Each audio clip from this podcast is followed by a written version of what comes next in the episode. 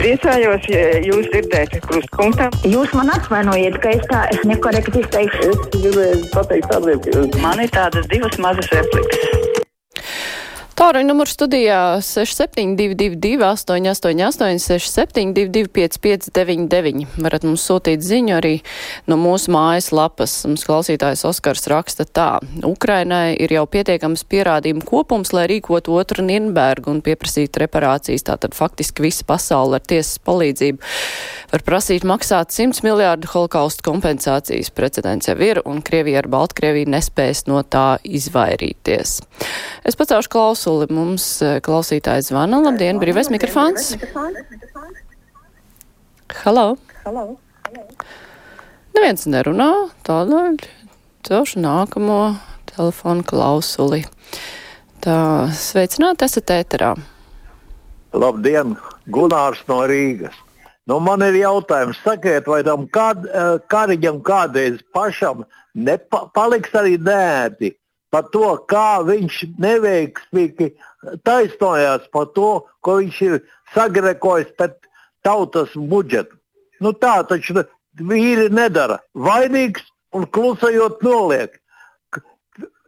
Ārzemēs pat tortiku nopirka, eh, kā saka, ārpus uh, limita. Eh, pusotra miljonu nobraukājis un nav nekā praktiski izdarījis. Nu, kad vienai tam cilvēkam iedarbosies tāda jēdziena kā sirdsapziņa? Kad tas notiks vienreiz? Jā, paldies. Torte ir pat meklējama Latvijā, nevis ārzemēs. Tas bija mūsu valsts gadījums, kad zemeņu tortes dēļ atkāpās ministre. Labi, pacaušu klausulu. Labdien! Labdien! Labdien! Oho. Jā, esat ēterā. Jā, nu, te, te, te nu, cilvēki runā par um, valdību, kas tur tā notiek augstākos līmeņos, bet um, dīvains gadījums arī zemākā līmenī. Uh, Piektdien, ne, ceturtdien vakarā man zvana paziņa, ka Imants kultūras namā piekdien no rīta desmitos dod ielūgumus uz Marijas Naumovas koncertu. Nu, es sakoju, skaisti.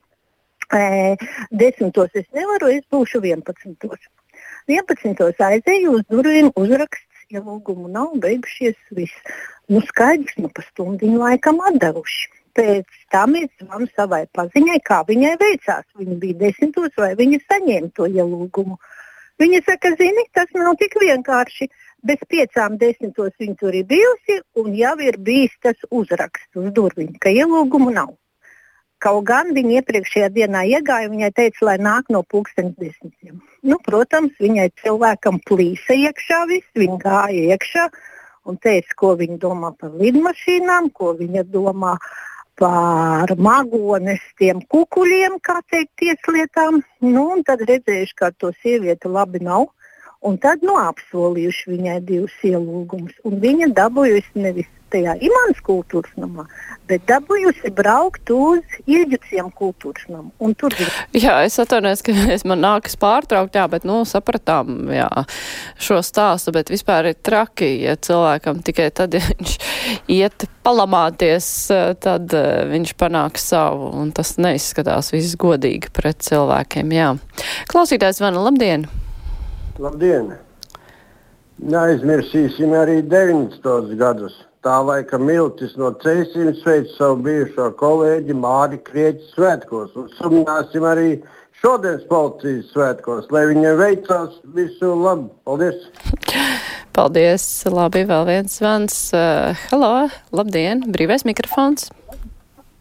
Labdien! Es ātri par divām lietām.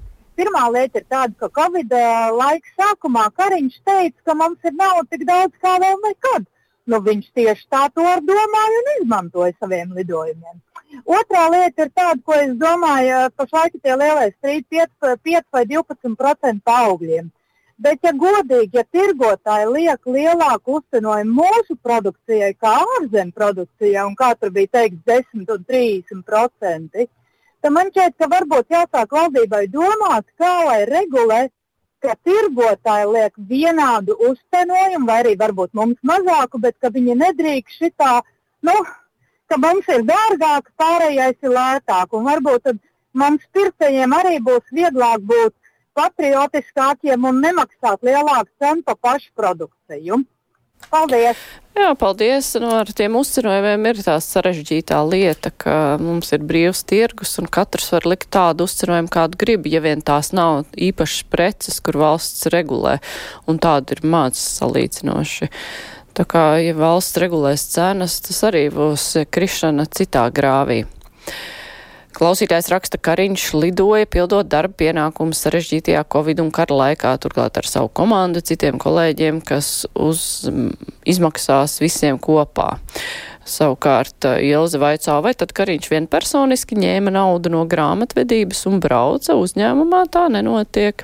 Nu, es domāju, mums ir jāsagaida valsts kontrolas slēdziens, un tad redzēsim, tur vajadzēja braukt vai nevajadzēja citādi. Kamēr neko daudz nezinām, tikmēr spekulēt ir viegli. Gaidīsim, ko valsts kontrola teiks. Labdien, esat ēterā! Sveicināti, Māra, un sveicināti visi draugi Latvijā. Ziniet, man tāds um, stāsts ir. Ja? Tas skats pa logu, tur uh, braukāja tāds maziņš uh, ierocis, ja? kā bērnu dārza vai tur iztiriet iekšpagalmā sētu mēram vai vēl kādam un pastūma uz ietvi sniegu kaudzi un aizbrauca, un par to viņi saņems naudu. Par gājējiem neviens nemaz nedomā vispār. Te, ziniet, uztaisīja nesen jaunu ietvi, bet tur mašīnas stāv, un te bērnu dārs un skola, un nekādas uh, šitas tiesības neuzskata, nu, ziniet, smieha uboričная tehnika, sapratat tādu? Uh, uh, valodu. Tagad viņi saņema par šito, par um, kartošanu uz ielām naudu, saņem skabata un neko nedara vispār. Uh, uh, Nirgājas par sētņiem, es ārā negāju, ja, bet es redzu, viss stumj uz ietvem un kas to vaks prom. Paldies! Jā, paldies! Nu, tagad ir beidzot no Rīgas domas amatpersonām arī izskan, ka viņi nav apmierināti, kā šis pakalpojums tiek izpildīts, bet, nu, cerams, ka ar to neapmierinātību vien neapmierināsies un ka tur arī būs kaut kādas sankcijas. Citādi Rīgas nauda tiek iztērēta un rezultāta nav. Klausītāja Agnes raksta citā raidstacijā, noklausījos interviju ar visiem zināmo Sarmu Freibergu, kur aktīvi nodarbojas ar bērniem ar īpašām vajadzībām, rīko nometnes un tam līdzīgi. Kā viņa vārda tiešā nozīmē kasa naudiņu šo bērnu vajadzībām, un šeit nieka 30 tūkstoši par vienu lidojumu, nu kaut kā ļoti nesamērīgi. Nu, ja tā uz to palūkojas, tas izskatās pavisam briesmīgi. Bet, nu, tiešām sagaidīsim slēdzienus, cik tas ir pamatoti, cik ne. Pacaušu klausulu. Labdien, klausītājs zvana. Mm. Labdien! Man būtu jums tāds jautājums. Kāpēc jūs tik bailīgi un tik piesardzīgi runājat, ja kaut kas attiecās par valdības nebūšanām? Vai jums tik ļoti, ļoti svarīga šī vieta? Nu, labi, žurnālisti jau vienmēr var atrast darbu. Nu, esiet taču vienreiz drosmīgāk. Es nezinu, kādu drosmi jūs tieši gribat sagaidīt. Man šķiet, ka valdību mēs raidījumā pietiekoši bieži kritizējam, ja tur ir ko kritizēt, bet ja ir vienkārši tāda papļāpāšana, nu, žurnālistu diskusijās man šķiet, ka ir ļoti daudz kritikas izskanējis. Tā kā, nu, es nezinu, vai tur būtu vērts pārmest drosmes trūkumu vai netrūkumu. Klausītāji Agrita raksta, tomēr jauno Real Baltica dzelzceļa tiltu būvēs neatkarīgi no tā, cik ātri pati dzelzceļa līnija ies caur Rīgu. Nu, vismaz tas ir labi, tad ātrāk tā būvēšanās par Rīgas centru tiks pabeigta, vismaz būs skaistāk. Jā, nu šogad jau tā viena puse jau tur ir pabeigta, bet otrā pusē, kur ir tas vietas dzelzceļa, ne, velosipēda ceļš, kurš paceļas debesīs un aiziet nekurienē, nu tas ir tāds simbolisks atgādinājums, ar ko tas viss var beigties un būtu traki.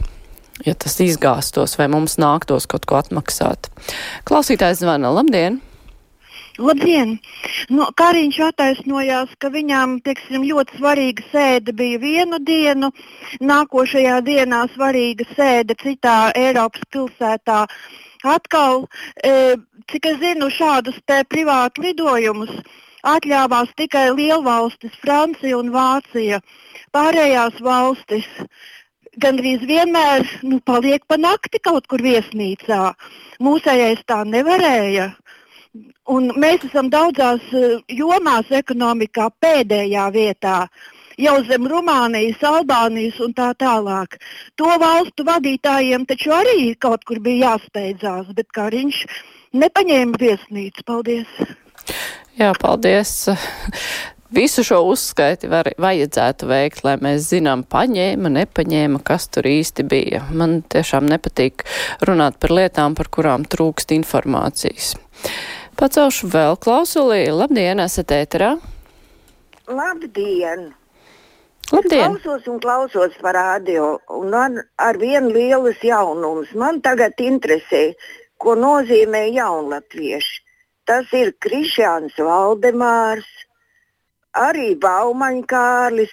Kā tagad var piesavināties Glorija, dibināt partiju jaunatvieši? Jaunatvieši tas ir īpašības vārds. Jā, nu, jā, paldies. Vēl jau jautājums, vai viņi zina, kas ir jaunatvieši, nu, kas bija jaunatvieši. Tas ir jānoskaidro vēl. Klausītājs zvana, labdien! Labdien! Klausos šorīt no rīta, kā labāk dzīvot.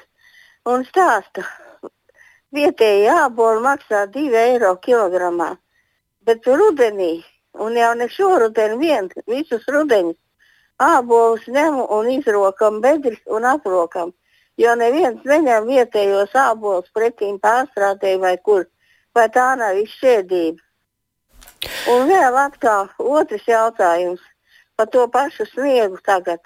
Tie runātāji, kas tagad zvana un te kritizē tik drausmīgi Kariņkungu, lai iet un mazliet pašūri ārā sniegu, tad izveidinās galvu. Paldies!